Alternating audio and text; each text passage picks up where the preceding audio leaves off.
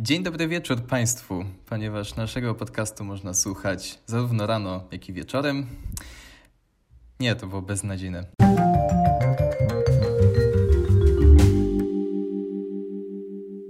W dzisiejszym odcinku podcastu Love Form dołączyło do mnie trzech gości. Kajto, Aniuk i Piotrek, którzy pomogą mi dzisiaj w rozmawianiu na temat iPada. Czy warto go kupić? Co można na nim robić? Czy może zastąpić komputer? I inne ciekawe rzeczy. Także zapraszamy do słuchania. Kropka. Tak, także jak już y, zauważyliście, drodzy słuchacze, mamy dzisiaj znowu specjalnego gościa z nami. Jest to Hubert, którego możecie kojarzyć z odcinka o Apple Watchu. I e, Hubert, powiedz nam, od ilu lat masz iPada? Ja miałem iPada, właściwie cały czas mam jednego tego samego, od um, trzech albo czterech lat, tylko nie mogę sobie przypomnieć, jak długo tak no dokładnie. No dobra, ale 3-4 lata. Bo ty masz iPada Pro, tak? Tego jeszcze z pierwszym Apple Pencilem. Tak, z pierwszym Apple Pencilem, 10,5 cala. Znaczy kupowałem go jako najświeższego iPada, co się zmieniło miesiąc później. W sensie to było tak, że myślałem sobie, że okej, okay, to jest świetny moment na kupienie iPada. I potem miesiąc później wyszły te nowe, bez home buttona, tylko właśnie te bez ramek. A czyli to był 2018. Okej, okay, no to już wiemy, kiedy to było. Jeszcze zanim o samym iPadzie, to chciałem Wam powiedzieć, że mogę pochwalić, prawie pochwalić Siri, bo ostatnio zapytałem ją, poprosiłem, żeby puściła mi jakiś utwór. No nie mówiłem do HomePoda, tylko akurat w tym przypadku do słuchawek i bez żadnego zająknięcia po ułamku sekundy go mi puściła. Po czym, gdy już przeleciało tak może z 10 sekund, gdy już byłem pod wrażeniem, że może oduczyła się ze mną rozmawiać niepotrzebnie, stanęła piosenka, jeszcze raz mi przedstawiła utwór i puściła od nowa, więc to może znaczyć dwie rzeczy.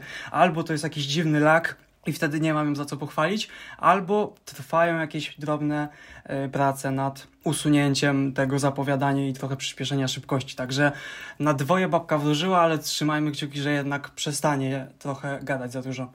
Ja bym tutaj raczej y, obstawiała wersję, że był lag, ale no różnie, w różne rzeczy, słuchajcie, możemy wierzyć. To kwestia wiary to y, osobista rzecz, także nie wiem, czy tutaj będziemy mieli dużo do dyskusji, ale ja też właśnie bym chciała jedną rzecz y, jeszcze y, powiedzieć, zanim zaczniemy rozmawiać o samym iPadzie, że ja już kiedyś y, podcast o iPadzie nagrałam, a w zasadzie byłam częścią podcastu.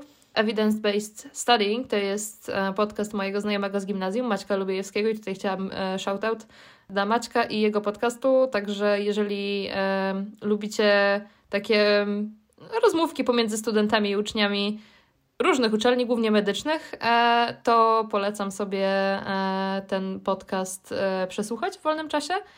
Po prostu bardzo przyjemnie się słucha, a, a mówię, tematy są nie tylko właśnie uczelniane, ale tak na przykład też Tutaj w, iPad się wkradł, co prawda, jako właśnie urządzenie do nauki i do studiów, ale też od ludzi, którzy robią na nim różne kreatywne rzeczy. I myślę, że teraz już możemy sobie przejść. Chyba, że ktoś ma jeszcze coś do dorzucenia. Hubert, Kajto? Idźmy w iPada, dawaj, to jest ciekawy temat i to jest temat dzisiejszego odcinka. No dobra, to co, Piotrek? Przeglądając sobie, w ogóle przygotowując się do tego odcinka, patrząc co dokładnie mamy w ofercie, Sprawdziłem, jakie mamy dokładnie iPady dostępne, kiedy ostatnio były zmieniane, i sprawdziłem sobie opisy, żeby zobaczyć, do jakich osób są targetowane. I oczywiście mamy mini, który jest dla wielu osób, nie wiem, Kindlem, stacją do HomeKita zawieszoną na ścianie, albo jakimś poręcznym urządzeniem y, dla dziecka, albo w podróże. Z drugiej strony mamy Pro dla ludzi, którzy są w stanie być iPad only albo potrzebują po prostu wsparcia do pracy, czyli nie wiem, notatki, rysunki z pensilem Sidecar do, do macOSa, czy zdalne sterowanie, bo to też jest możliwe przez y, programy różne i w środku mamy dwa modele. Jest tak zwany iPad edukacyjny, po prostu iPad y, i R, które mają dokładnie, no bez mała, identyczne opisy i biorąc pod uwagę tylko aktualną ofertę, czyli zapominamy o możliwości kupienia zeszłych modeli, które są swoją drogą dalej świetne, ale zakładając, że chcemy coś wybrać tylko z tego, co mamy w tej chwili dostępne, to Rozumiem w tym momencie, że ten edukacyjny, tak go będę nazywał, żeby było wiadomo, o którego chodzi, stwarza fajną barierę wejścia, bo proponuje, bo oferuje dość dobrą jakość, szybkość i tak dalej za dość dobre pieniądze, tym bardziej nawet w porównaniu z RM, ale zwróciłem tutaj uwagę na jedną rzecz, że nie wydaje mi się, żeby przez trzy następne, czy cztery, czy nie wiadomo ile generacji y, oferowali nam jeszcze iPady z przyciskiem, bo już nawet przecieki o y, iPadzie mini były, że pojawi się 9-calowy bez przycisku.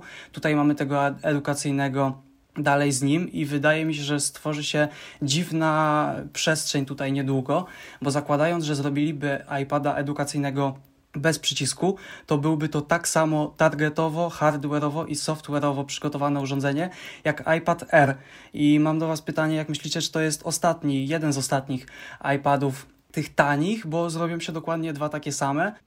Ja myślę, że z nim będzie troszeczkę jak z, iPad, e, z iPadem, z iPhone'em e, SE, że mamy już w zasadzie praktycznie same all-screen iPhony, a jest jednak właśnie ten iPhone SE z tym przyciskiem dla takich ludzi, którzy naprawdę mają po prostu e, bardzo lubią Touch ID, albo dla takich, którzy chcą mieć ten entry level jakby urządzenie z iOS-em, bo ja sama właśnie doradziłam mojej e, koleżance ze studiów kupno tego entry model e, iPada bo po prostu uważam, że jest świetny value for money i jeżeli ktoś faktycznie chce mieć iPada z Apple Pencilem, bo teraz e, właśnie nie wiem na ile nasi słuchacze są zorientowani w temacie, ale e, praktycznie każdy iPad w tym momencie ma e, Apple Pencil support, gdzie no kilka lat ale temu nie każdy jeszcze ta funkcja generacji. była. Tak, właśnie, bo e, iPady z guziczkiem, aka home buttonem mają wsparcie pierwszego e, Apple Pencila, a te, które mają full screen design, czyli iPady Pro i najnowszy iPad Air mają wsparcie dla Apple Pencila drugiej generacji.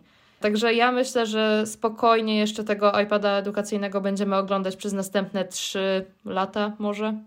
To ja mam zgoła inne zdanie. Według tak, mnie ja też. to będzie wyglądało trochę tak, jak była sytuacja z MacBookiem, po prostu MacBookiem, który był chyba tylko przez jeden rok, ale który tak bardzo przypominał MacBooka R, że zniknął prawie od, od razu, że nie ma Dokładnie. już po prostu MacBooka, tak jak teraz jest po prostu iPad, to by zniknął po prostu iPad i byłby mini, Pro i R. Ale właśnie o tym samym pomyślałem, że właśnie z MacBookami to jest ciekawa analogia tutaj, bo tak jak nawet Piotrek wymieniał ten line-up, no to już brzmi dosyć no tak chaotycznie. Jest mini, jest iPad zwykły, iPad Air, iPad Pro, już trochę za dużo tego robi się i nie wiem, czy naszym zakładem, że Apple też może tak uznać niedługo i po prostu się pozbyć któregoś z nich, tym bardziej, że tak jak Anu wspomniała, potrzebę do Touch ID, a to jest spoko, natomiast iPad Air teraz już też ma Touch ID, więc w sumie może nie jest potrzeba, żeby mieć home button, a mogą one wszystkie wyglądać tak samo i mieć nadal Touch ID w przycisku jakby tym blokującym ekran powiedzmy i mieć no, chociażby trzy iPady, aczkolwiek ten iPad mini też chyba już jest tak średnio rozwijany przez ostatnie laty, ale ma swoje no, odbiorców, które bardzo chętnie by zmieniało na kolejne generacje, nawet te bez przycisku już. To na Ale pewno, co do tak. samego właśnie tego edukacyjnego, bo Ania też o tym wspomniała, to jest iPad dla takiego standardowego, niezbyt wymagającego konsumenta. I chciałbym po raz pierwszy w naszym podcaście przytoczyć e, ciekawe badanie przeprowadzone w 2019 U, roku przez firmę AC Nielsen, nie wiem jak to można przeczytać, firma ze Stanów Zjednoczonych przeprowadzająca badania na określonej grupie społecznej. To było przeprowadzane dla Intela i Microsoftu i dotyczyło zakupów oraz sposobu korzystania z komputera i laptopa, konkretnie u nas w Polsce. I zacznę od tego, że to będzie dość krótkie, spokojnie. 70% osób deklaruje, że poza rozrywką korzysta przede wszystkim z pakietu Microsoft Office, czyli łatwo sobie założyć, że pewnie do tego dochodzi mail i notatki i tak wygląda stanowisko pracy większości osób, które e, wykorzystują do, do pracy właśnie komputer. I czytając do, to badanie, jego wyniki, dowiadujemy się dalej, że średnia cena kupowanego sprzętu e, w Polsce, są to już w tej chwili głównie laptopy, mało kto kupuje te, e, że tak powiem, pudła, wynosi 2500 zł. Najciekawsza jest lista kluczowych cech, którymi kierują się klienci, bo to też zostało ładnie wypisane. Lecimy od najważniejszej, jest to niezawodność, trwałość na lata, mobilność, zaawansowany technicznie, żeby był i elegancki. Brzmi jak iPad. Mhm. Wyliczyłem to sobie dokładnie i iPad edukacyjny plus klawiatura, gładzik i jeśli ktoś potrzebuje do pracy zewnętrzny monitor, z którym iPadem naprawdę się też da współpracować, kosztuje dokładnie e, 2500 zł. Zrobiłem taki zestaw z dobrą klawiaturą, gładzikiem od Apple'a i Samsungiem Full HD 24 cale. Nie jest to nie wiadomo jaki e, ekran, ale przypominam, że w laptopie za takie pieniądze też świetnego ekranu nie znajdziemy. No i teraz y, wracamy do tego. Niezawodny, no mówimy o sprzęcie od Apple'a, który będzie wspierany przez jeszcze długie lata, czy nawet akcje serwisowe, które są właśnie darmowe. Zawsze mamy możliwość y, pomocy z tym sprzętem. Na lata mamy update'y. Mobilność, no to w ogóle nie ma o czym mówić, bo jeżeli nie pracujemy przy zewnętrznym monitorze, to zabieramy tego iPada, siadamy na kanapę i przeglądamy internet. Do tego miliony aplikacji w App Store. Elegancja też zostawię już tutaj bez zbędnych słów. Także zestaw do pracy i rozrywki za 2,5 tysiąca, którego w tej chwili wybiera większość Polaków, da się złożyć dużo zdecydowanie lepiej. To jest dość duże e, przełamanie się, bo nie wiem, według mnie są dwa główne problemy, dlaczego przez jeszcze długie lata się to nie przyjmie. E, bo my, myślę, tutaj potrafilibyśmy zbudować za te pieniądze zestaw od Apple'a, który będzie się sprawował lepiej do rzeczy typu Microsoft i tak dalej, do prostych prac. Nie mówimy tutaj o nie wiadomo jakich programach, natomiast tablety w oczach ludzi, z tego co zauważyłem, często rozmawiając czy proponując komuś y, właśnie kupić taki sprzęt, a nie y, tablet, znaczy nie laptopa, bo też siostrze niedawno doradzałem, która jest teraz w liceum i potrzebowała komputera do zdalnej nauki.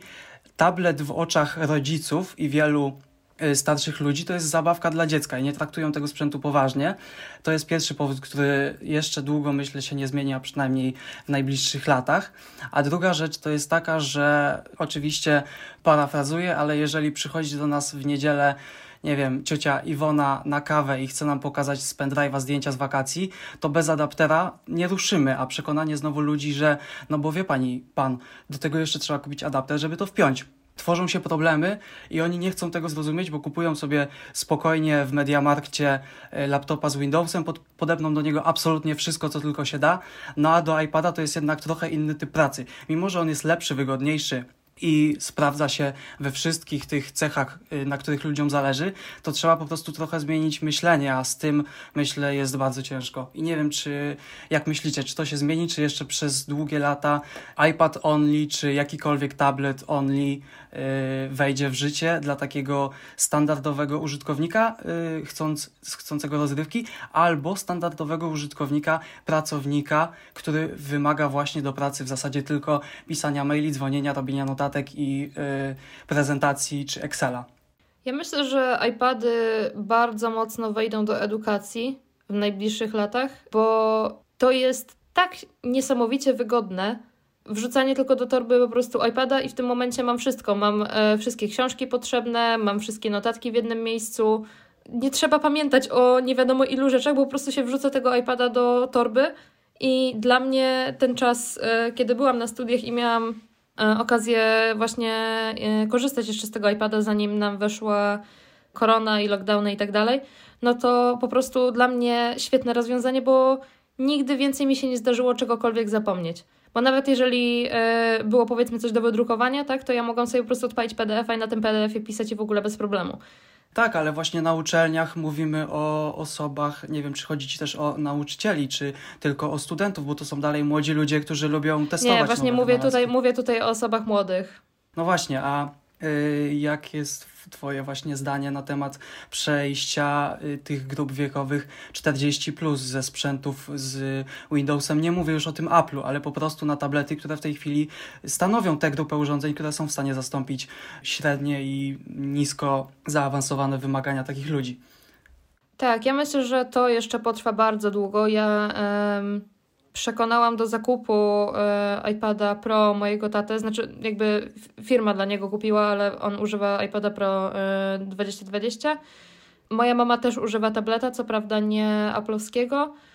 I dla nich to jest takie urządzenie, w sensie tak, dla mojej mamy tablet to jest urządzenie tylko i wyłącznie e, entertainment, a dla mojego taty z kolei to jest stricte do pracy, ponieważ on używa iPada do prowadzenia e, szkoleń odpala sobie Procreate i sobie w nim rysuje schematy różnego rodzaju e, i w międzyczasie właśnie opowiada, będąc podłączonym do komputera normalnie, po prostu ma na Zoomie podłączonego iPada jako kolejne urządzenie i po prostu przełącza się tylko pomiędzy swoim ekranem a iPadem i to jest naprawdę, to jest świetne, tylko też to jest jakby, ja wiem, że to się, jakby ten statement, który teraz powiem, się wydaje dosyć głupi, ale to jest dosyć zaawansowana technologia.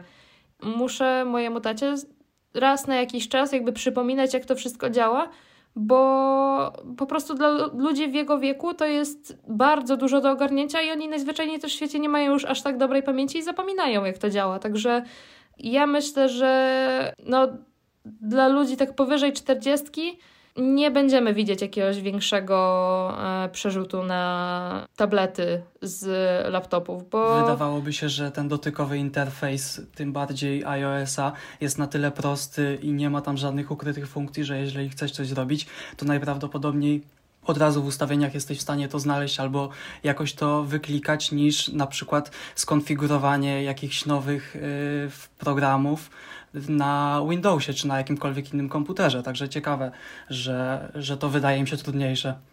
No, to, to, to się tylko tak wydaje, bo to jest nowy e, system, tak na dobrą sprawę. Bo mój tata, jakby, jeżeli jest przyzwyczajony do Windowsa i nagle przerzuca się na gesture-based, jakby system operacyjny, to jest coś kompletnie innego i coś kompletnie nowego. I jeszcze ten system, jakby on dla nas jest bardzo oczywisty, ale dla niego to jest coś, czego się musi nauczyć od zera praktycznie. I jakby te wszystkie features, do których my jesteśmy przyzwyczajeni, że one były albo dodawane powolutku, albo my sobie tam gdzieś się znajdowaliśmy po prostu jedne po drugim, one nagle są wrzucone na tą osobę naraz.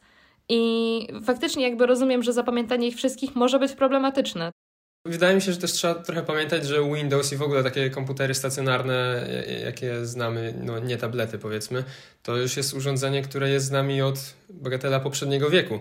Także to, to jest to, na czym się wy, wychowali nasi rodzice, nasi, no już nie mówiąc dziadkowie znaczy wychowali. No wiadomo, to nie, też dostęp do nich nie był taki łatwy, ale to było to pierwsze, co oni poznali, więc tak jak my teraz poznajemy obie rzeczy naraz, powiedzmy, to oni mieli dostęp tylko do tego i może to jest też jakby część tego, dlaczego im tak ciężko się przenieść teraz na tablety. Aczkolwiek oczywiście od każdej zasady są odstępstwa. Na przykład moja mama używa iPada i nie ma swojego komputera osobistego. W pracy pracuje na komputerze, ale w domu ma iPada znowu do rozrywki, do przeglądania internetu i do takich rzeczy. I fantastycznie to się sprawdza. Do podróży tak samo bierze ze sobą do samolotu czy na jakikolwiek wyjazd. No i nie mogłoby mieć nic lepszego, nie? Bo to jest takie proste urządzenie, które po prostu łapiesz w rękę, wrzucasz do torby i masz ekran tylko i nic więcej, czyli nic zbędnego tam nie ma. Więc no dla niektórych to się sprawdza, ale no właśnie, dla niektórych. Czyli iPad Only to jeszcze przez długie lata pozostaje, pozostanie nisza. Chyba tak, Aczkolwiek jak teraz mamy na przykład, w sensie to jest coś, co mi się tak, no nie wiem czy marzy, ale tak bardzo dużo, kiedyś szczególnie nad tym myślałem, jak właśnie wychodził iPod, taki iPad Pro 120 Hz, przepiękny wyświetlacz, do tego klawiaturka taka, co się zamyka i że tak w sumie to już wygląda jak laptop tak naprawdę, ale jest dalej iPadem i tabletem. I dla mnie jest to taki mega ciekawy, byłby to workflow na pewno, szczególnie właśnie z dotykowym interfejsem, ale no nie wiem, ja jestem użytkownikiem MacBooka dalej i dla mnie to jest ultra też wygodne.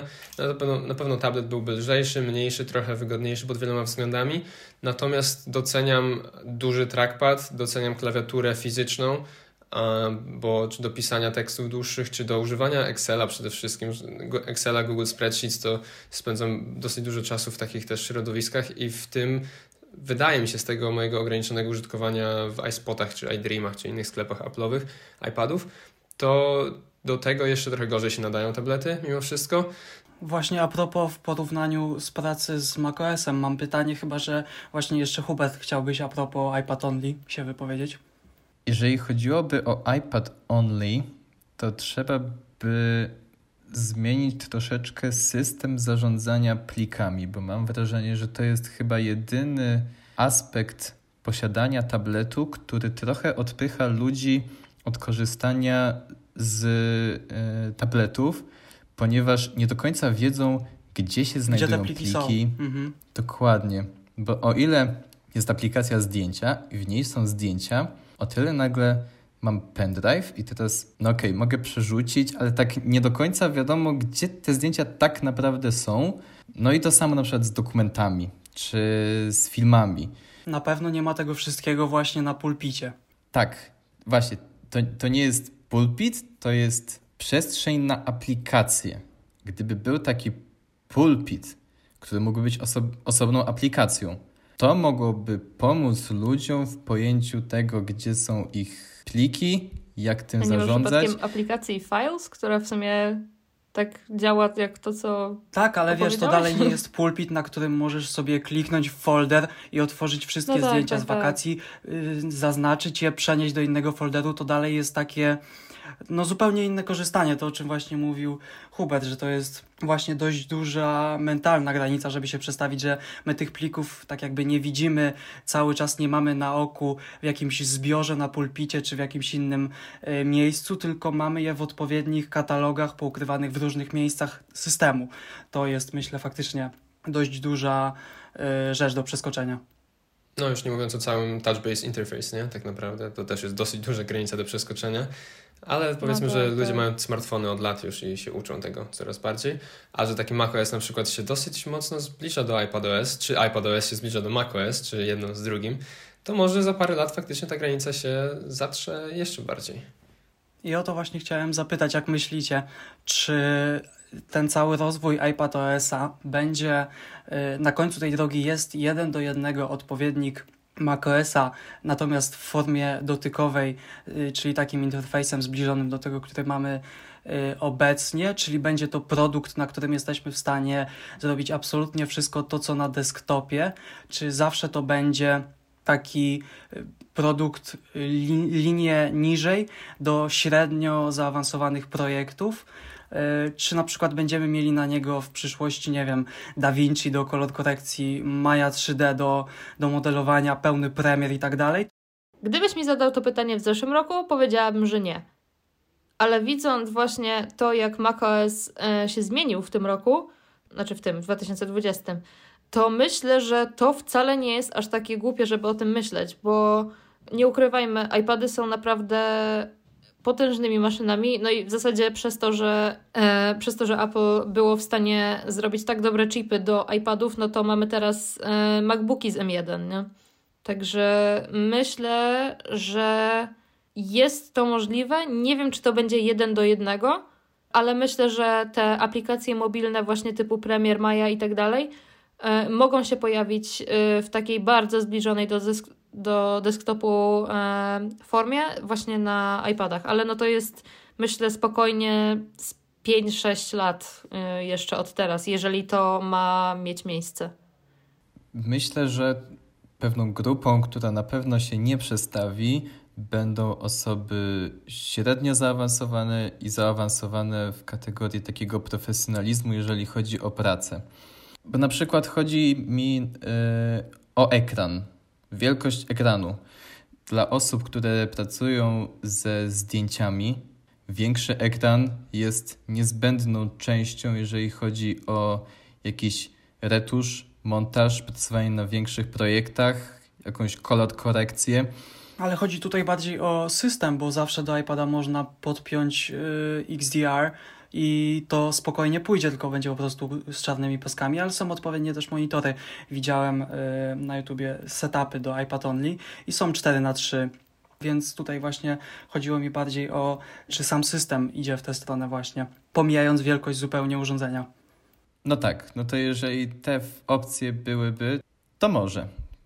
Wydaje mi się, że to jest całkiem ciekawe, bo jak próbuję sobie wyobrazić takiego iPada Pro, który miałby obsługiwać Premiera Pro, co by pasowało, skoro jest Pro, mm, to jedyny możliwość tego, jako widzę, to musiałby mieć podłączoną klawiaturkę i no, gładzik, myszkę czy cokolwiek, no bo nie wyobrażam sobie obsługiwać Premiera na touch base only. Jakby to, to nie jest pod to zbudowane.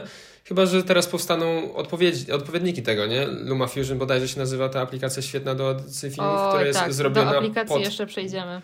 Dokładnie, która jest zrobiona tylko i wyłącznie pod touch-based interface i działa to świetnie. Natomiast taki Premiere Pro jest mocno zrobiony pod klawiaturę i pod myszkę i pod te wszystkie shortcuty na klawiaturze i w tym momencie jest potrzebna klawiatura, czyli w sumie z iPada już znowu nam się robi nie tablet, a laptop, bo mamy i klawiaturę i gładzik, tylko różnie, różnica jest taka, że się odczepia, więc może być też sam ekran Więc teoretycznie w takim scenariuszu, w takim scenariuszu tablet z klawiaturą i gładzikiem byłby pod każdym względem lepszy niż laptop, który się nie odczepia od całej reszty, bo jakby klawiatura była fizyczna i na tym samym poziomie, gdyby gładzik był fizyczny i na tym samym poziomie, gdyby wyświetlacz był no, na tym samym poziomie albo lepszy, gdyby moc jakby przerobowa była tak samo dobra, gdyby aplikacje były wspierane, to jakby laptop traci wszystkie swoje jakiekolwiek atuty w tym momencie, wydaje mi się. Przynajmniej tak mogę się totalnie mylić, tak, tak mi się wydaje, jak teraz się zastanawiam nad tym. No i trochę, co, czy to by oznaczało, że tablety przejmą świat tylko dlatego, że mają dotykowy ekran? Czy może w tym momencie wystarczy właśnie Maco widać ekran, co totalnie sobie tego nie wyobrażam, ale gdyby Mac miał ekran dotykowy, to byłby tabletem, to byłby iPadem, tylko bez odczepialnej klawiatury, czyli w laptopem. W sensie, to jest trochę też takie szufladkowanie, że możemy, może to jest niepotrzebne w ogóle, no ale jednak mamy dwie kategorie produktów i, i jestem też bardzo ciekawy, jak to się połączy, bo trochę tak jak teraz każdy ma swoje miejsce i jest to spoko, tak parę lat temu te miejsca były zupełnie inne, więc za kolejnych parę lat pytanie, czy to będą dwa osobne faktycznie miejsca, czy już jedno? Tylko jak jedno, to czyje to będzie miejsce? Tablety i laptopy definitywnie dążą do jakiegoś takiego ujednolicenia i stworzenia jednego urządzenia. No na przykład jest Surface Book, który ma klawiaturę i w sumie jest jednocześnie tym tabletem i laptopem, tak, przez tego Windowsa.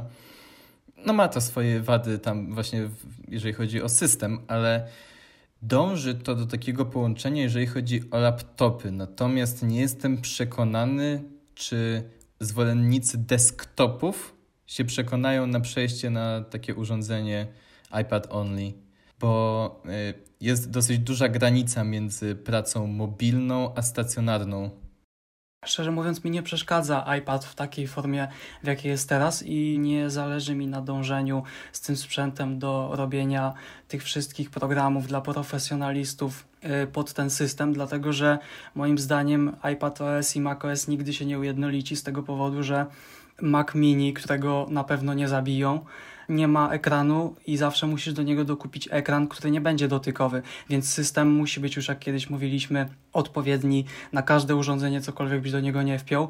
Do Maca Pro też nie musisz kupować monitora od Apple'a, tylko jakiś zewnętrzny, który również nie będzie dotykowy. Dlatego podoba mi się to, że odłączyli się od iOS-a z iPadem, ale Wydaje mi się, że tak jak to w 2010 Jobs zapowiadał iPada jako po prostu urządzenie do pewnych określonych funkcji, lepsze od telefonu i lepsze od laptopa pod kątem wygody po prostu przeglądania internetu, pisania maili czy takich rzeczy. I szczerze mówiąc, nie mam, nie widzę na horyzoncie perspektywy, żeby iPad w ogóle musiał zastępować którekolwiek z tych profesjonalnych zastosowań. To jest po prostu fajne urządzenie do, do tych wszystkich lekkich czynności, plus bardziej zaawansowane jak LumaFusion, ale szczerze mówiąc, jeszcze bardziej profesjonalne.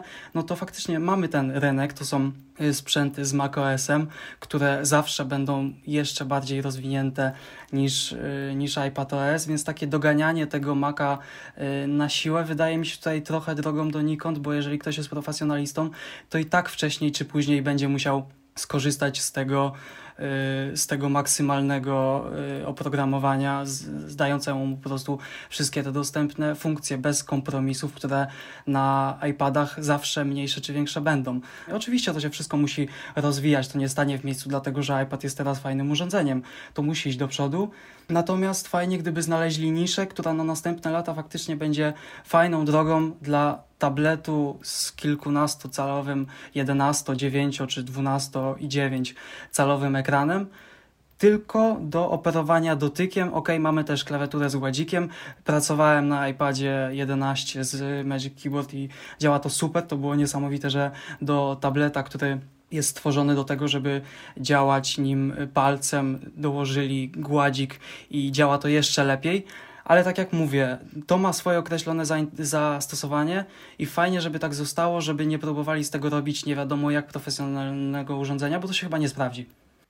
Wiesz co, powiedziałeś tutaj o tym, że iPad ma zawsze i będzie miał mniejsze lub większe ograniczenia i w sumie chciałem przez chwilę pociągnąć ten punkt, jakby totalnie nie chcę zajmować żadnego stanowiska, tylko tak obiektywnie chcę na to spojrzeć, jakie to są ograniczenia, bo jeżeli powiemy port, i spojrzymy na Maca, no Mac ma USB-C, w sensie MacBook Pro na przykład mają tylko USB-C i nic więcej. iPad ma to samo, czyli tu i tu trzeba mieć przejściówki.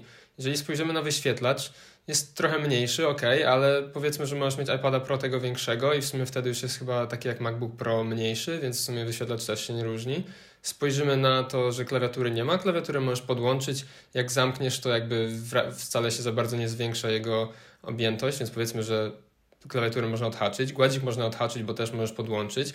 Jakby dosyć szybko wydaje mi się, że te ograniczenia odpadają. Wiadomo, że software'owo zostanie dużo, natomiast software to jest software, to jakby też wszystko można zmienić, nie? Software się rozwija w czasie i na pewno za jakiś czas może wyglądać inaczej. I po prostu jestem ciekaw, jak mówiłeś, że ma zawsze jakieś ograniczenia, to o jakich ograniczeniach myślałeś? Nie, nie do końca tutaj zabieram konkretne stanowisko, że rozwijanie iPada pod kątem e, profesjonalnych rozwiązań jest bez sensu, ale używałem tego iPada 11 cali z, z Magic Keyboard i za, zakupiłem sobie taką aplikację Screens, to jest do zdalnego sterowania Maciem. Możesz sobie pod, y, podłączyć twój komputer i wyświetlać dzisiaj jeden do jednego bez większych spowolnień przy dobrym internecie obraz i próbowałem tak działać właśnie w Photoshopie.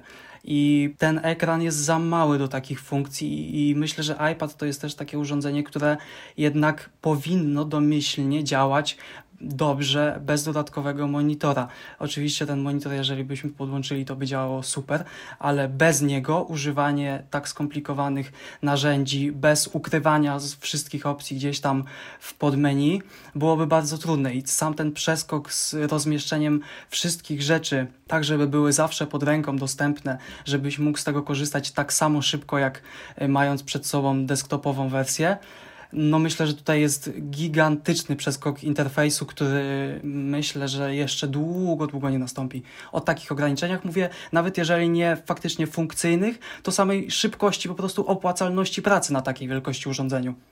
Dobra, podoba mi się to.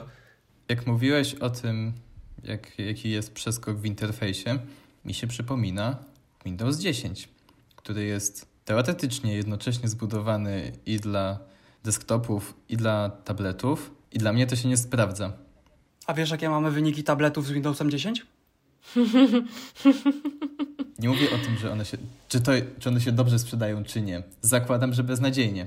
Tylko chodzi mi o to, że system, który jest przystosowany jednocześnie do tabletów i do desktopów, nie spełnia dobrze funkcji ani na jednym, ani na drugim. Tak idealnie. O tym właśnie Lepiej mówiłem. jest według mhm. mnie posiadać dwa systemy, które, które są świetne albo do dotyku, albo na desktopie, bo jeżeli się to połączy, to nie, to nie dostajemy.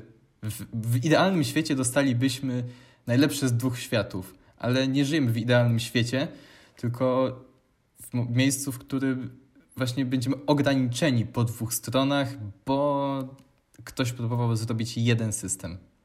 Dlatego właśnie mówiłem o, z tym dążeniem iPada do każdego zastosowania Pro, właśnie pod tym kątem, że, że można zrobić interfejs, który będzie super od, nie wiem, Apple Watcha przez telefon po dwudziestoparocalowe monitory, to jasne, ale to nie będzie działało dobrze na żadnym z tych urządzeń. Dlatego faktycznie o tym właśnie mówiłem, że dążenie iPada jest dla mnie właśnie zagadką, co będzie z tym systemem za kilka lat, jak on się będzie rozwijał. Właśnie pod tym kątem. To ja mogę tylko hot take na zakończenie tego tematu, bo chyba jeszcze chcieliśmy przejść gdzieś dalej, ale wyobraźcie sobie, że za 3 lata Apple wyda Magic Keyboard z touchbarem i na tym touchbarze do takie wszystkie profesjonalne aplikacje jak Photoshop, Premiere Pro, wszystko tam rzucą narzędzia, żeby był łatwy dostęp i w ten sposób właśnie połączą iPadOS z macOSem. Touchbar. To jeszcze szybko kontra ode mnie. Często przeprowadzam rozmowy z ludźmi z branży na Twitterze, którzy bardzo narzekają na, y, na touchbara. Często pytam właśnie, co im w nim nie pasuje, bo faktycznie ja go mam, nie używam go praktycznie w ogóle, szczerze mówiąc, jedynym zastosowaniem, jaki w tej chwili dla niego widzę, poza faktycznie dość wygodnym, zamiast wciskaniem kilka razy przycisku do jasności czy głośności, jest przytrzymanie i przesunięcie, to jest super, natomiast większość rzeczy, 99% zastosowania, którego mam, to przewijanie reklam w internecie, bo wyświetla się timeline. To jest wszystko i mam w tej chwili w Photoshopie i w każdym innym programie skróty, natomiast kompletnie nikt z nich nie korzysta. Naprawdę, bo też mnie interesował ten temat touchbara, bo y, wiele osób kompletnie nie widzi przyszłych maków już z nim, więc mhm. widziałem ankiety różne czy gdyby komputer był tańszy bez niego, w takiej samej konfiguracji, czy byli i jakie pieniądze byliby w stanie za niego zapłacić. I tam było absolutnie y, zero na korzyść touchbara. Jeżeli on by był na komputer z touchbarem byłby 100 dolarów droższy, to i tak każdy brałby bez. Także z perspektywy tych kilku lat, od kiedy jest touchbar, on się nie sprawdził Apple'owi, niestety. Jest fajny, było bardzo dobry pomysł, ale no nie znalazłem jeszcze osoby, która jest heavy userem i faktycznie korzysta z tych skrótów. Większość osób często się myli klikając coś albo tego nie czują, bo wolą czuć, że przyciskają przycisk. Jest wiele takich rzeczy dla profesjonalistów. On się po prostu nie przyjął. Nie no, to był właśnie żart na zakończenie tematu i chodźmy dalej już po prostu. To tak, to się nie przyjęło i nikt tego nie używa. Zgoda, wiem. I są plotki, że przyszłe maki tego nie będą miały. Dobra, co chcieliśmy jeszcze dzisiaj obgadać? No ja myślę, że warto przejść do tematu e, aplikacji. To co, Hubert, chcesz zacząć? Do czego ty używasz głównie iPada? Kalkulator, Instagram. Kalkulator? Pogoda. No wiem, właśnie te rzeczy wymieniam, których nie ma. Nie no, pogoda jest. Jest? Chyba, że mam tylko widget na pogodę. Nie ma pogody. Nie ma pogody, nie o ma kurczę. kalkulatora i nie ma Instagrama. Instagram to jest przeskalowana aplikacja. Słyszałem rozmowę z Timem Cookiem, nie wiem czy przeprowadzał ją MKBHD czy ktoś, ale właśnie pytał, dlaczego nie ma tych, yy, tak, tych programów i Tim Cook. Czy, czy właśnie ktoś odpowiedział, że jeżeli nie, może, nie, nie potrafią zaprojektować w tym momencie ładnego yy, kalkulatora na kilkunastocalowy sprzęt, to po prostu wolą tego nie robić w ogóle, niż za, zrobić coś kompletnie brzydkiego i wielkiego. Typowa Apple'owa odpowiedź. No ale dobra, Hubert. Ja kupiłem iPada ze względu na to, że potrzebowałem, potrzebowałem, chciałem zamienić książki, które nosiłem w torbie, na część wirtualną, ponieważ dla mnie wygodniejsze było, tak już wcześniej Ania wspomniałaś, wrzucenie tabletu i rysika i posiadanie pewności, że będę mieć i lekturę w szkole, i podręcznik, i ćwiczenia, i zeszyty, i to wszystko będzie w tym jednym miejscu. Więc e, ja iPada używam głównie do odręcznych notatek i do czytania książek. I jakich aplikacji do tego wszystkiego używasz? Na przykład, jeżeli chodzi o tworzenie dokumentów, to raczej byłem zwolennikiem pisania prac w Apple'owskim Pages. Natomiast kiedy szkoła zaoferowała nam pakiet Office, to powoli się przerzucam na ten pakiet Office, zważywszy na to też, że ostatnio wyszła nowa aplikacja specjalnie dla iPada, gdzie wszystkie rzeczy takie jak Word, Excel, PowerPoint, to wszystko jest w jednej aplikacji i nie muszę mieć właśnie całego folderu z pakietem Office, tylko jedną aplikację. Natomiast jeżeli chodzi o czytanie książek, Apple'owskie Books, a tworzenie notatek, GoodNotes. Okej, okay, czyli ty widzę, używasz zewnętrznej aplikacji do tworzenia notatek, bo ja na przykład absolutnie uwielbiam aplowskie notatki. Wiem, że to jest dosyć unpopular opinion i właśnie bardzo y, dużo ludzi używają zewnętrznych jakichś y, aplikacji do robienia notatek, ale no jak na moje, te y, oryginalne aplowskie notatki są świetne. To ja doprecyzuję. Notatki odręczne robię w GoodNotes. Natomiast takie rzeczy jak spisanie sobie w telefonie jakieś notatki, to wszystko trafia do, e, do notatek, ponieważ też jestem ich zwolennikiem, szybko się synchronizują, mają dużo funkcji, są wbudowane i je lubię po prostu. To ja też doprecyzuję. Ja robię odręczne notatki w notesach właśnie.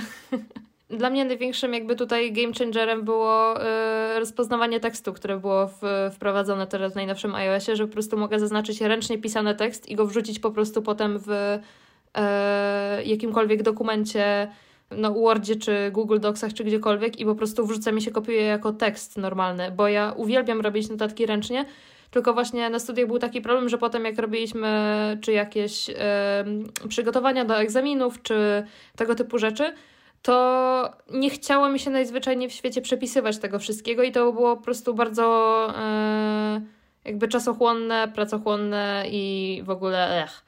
A w momencie, jak e, wprowadzili właśnie rozpoznawanie tego tekstu, to troszeczkę zaczęłam żałować, że już nie jestem na studiach, bo no, w tym momencie po prostu przygotowywanie do egzaminów byłoby tak milion razy łatwiejsze. E, jeżeli chodzi o jakieś omawianie pytań czy coś w tym stylu, bo po prostu no, kopiuję e, tekst, wrzucam go i jazda, koniec. Nie muszę nic więcej robić. Dla mnie mm, tym minusem, który trzyma mnie przy zewnętrznej aplikacji do notatek odręcznych, co dla jednych jest minusem, dla drugich plusem. Odręczne notatki w Notesach są nieskończone w górę w dół.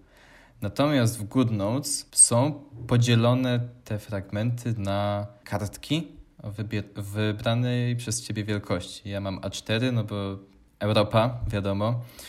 Jakby posiadanie czegoś, co jest bardziej zbliżone do zeszytu, ograniczona wielkość, jakby zarządzanie przestrzenią, którą mogę pojąć, to jest dla mnie coś cenniejszego, jeżeli robię notatki odręczne.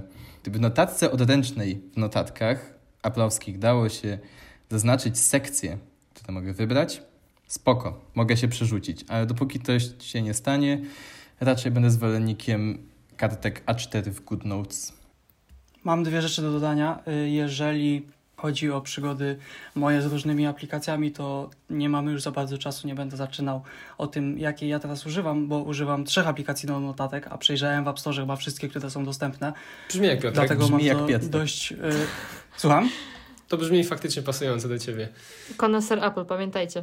No, szanuję naprawdę za ten czas poświęcony.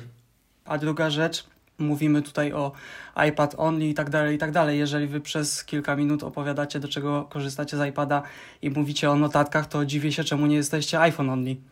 Chodzi o fizyczną przestrzeń, na, którą na której mogę te notatki tworzyć. Ponieważ no, jeżeli sobie zrobisz tekst, to ten tekst w notatkach jest ściśnięty, tak? On ma jakby tę samą wielkość tekstu, masz na iPadzie i na telefonie, dlatego że na telefonie musisz przewijać, przewijać, przewijać. Natomiast jeżeli chodzi o notatki odręczne, to jeżeli masz iPada na przykład 11 cali, to to jest bardzo, no dosyć zbliżone do tej kartki A4, o której mówiłem i o tym przyzwyczajeniu, że ja mogę wziąć pensję, napisać normalnie tak, jakbym pisał na papierze i potem przeglądać te notatki jak na papierze. Ciekawostka do odcinka o koneserze sprzed tygodnia miałem cztery strony A4 po przerzuceniu na komputer notatek. Wszystkie napisałem na telefonie od początku do końca. Nie jest to dla mnie żaden problem, żeby pisać i edytować na mini, przypominam. No ale to każdego jego przyzwyczajenie. Tak, tak, tak. Powoli nam się kończy czas. Jakieś jeszcze notat y, notatki, jakieś jeszcze programy do obgadania? No właśnie tak sobie myślę, że może tutaj niekoniecznie będziemy już y, startować z kolejnymi aplikacjami, bo ja to bym mogła jeszcze godzinę gadać o aplikacjach, ale właśnie myślę, że mogłabym tutaj odesłać do e, podcastu, o którym już wspominałam na początku, e, do odcinka dokładnie numer 18, czyli iPad jako multitool na studia i nie tylko. E, I tutaj też właśnie ja się wypowiadam na temat tego, jakich aplikacji używam, ale też Mamy e, studentów medycyny, e, tatuatorów, no i generalnie ludzi szeroko pojętych, jakby twórców kreatywnych. Generalnie rozmowy właśnie na tematy tego, e, jakich aplikacji używać i do czego na iPadzie, to po prostu można by rozmawiać godzinę następną albo i dwie. My i tak mamy zapisany w notatkach też naszych do Love Form odcinek o aplikacjach i tam też będę miał dość dużo do powiedzenia, także i tak do tematu wrócimy i tak. Dobra, super. To w takim razie temat aplikacji sobie zostawiamy na, na kiedy indziej i wtedy myślę też się właśnie bardziej ja wypowiem na temat tego, co, co ja robię na iPadzie i do czego używam iPada, bo dla mnie iPad to jest po prostu urządzenie, które wyzwala moją kreatywność i ja myślę, że jestem tą idealną osobą do reklamy Apple, która po prostu na iPadzie robi absolutnie wszystko. E, także fajnie, że mamy, że mamy zaplanowany odcinek na to. E, I co, już chyba będziemy powoli tutaj kończyć dzisiaj. To tak może, żeby podsumować. Znaczy, tak ja bym podsumował swoje myśli. Dawaj, Hubert, zacząłeś, to kończ. iPad jest urządzeniem dla osób, które potrzebują tej fizycznej przestrzeni do wykonania jakiejś czynności. Czyli na przykład do przeczytania książki, do, do, do rysowania, do oglądania filmów. Coś, co byłoby niewygodne do zrobienia na telefonie. 11 lat temu dokładnie to zdanie powiedział Steve Jobs. Naprawdę? No, tak, tak. Okej. Okay. Dobra, ko ko koniec podsumowania. Okej, okay, to tymi pięknymi słowami chyba możemy już kończyć odcinek. Jedna ważna wiadomość dla wszystkich słuchaczy, którzy dotrwali aż do tego fragmentu, jest taka, iż ruszył nasz Twitter. Także jeżeli chcecie nas śledzić gdzieś oprócz podcastów, to zapraszamy właśnie na Twittera i uwaga, podaję naszego taga. Jest to Love Form Podcast, pisane razem, podcast przez C. Love Form Podcast. Zapraszamy serdecznie, będą tam na pewno powiadomienia o nowych odcinkach, jest to też dobra okazja, żeby się z nami skontaktować, gdyby ktoś miał taką ochotę. No i być może w przyszłości jeszcze coś więcej się tam wydarzy. Może zrobimy jakieś Q&A w przyszłości? O, dokładnie. Także serdecznie zapraszamy do aktywności na Twitterze. Okej, okay, to w takim razie myślę, że e, żegnamy się już na dzisiaj. Rozmawiali dla Was Ania, Piotrek, nasz specjalny gość, Hubert i ja też, Kajto. Trzymajcie się, do usłyszenia. Dzięki, na razie.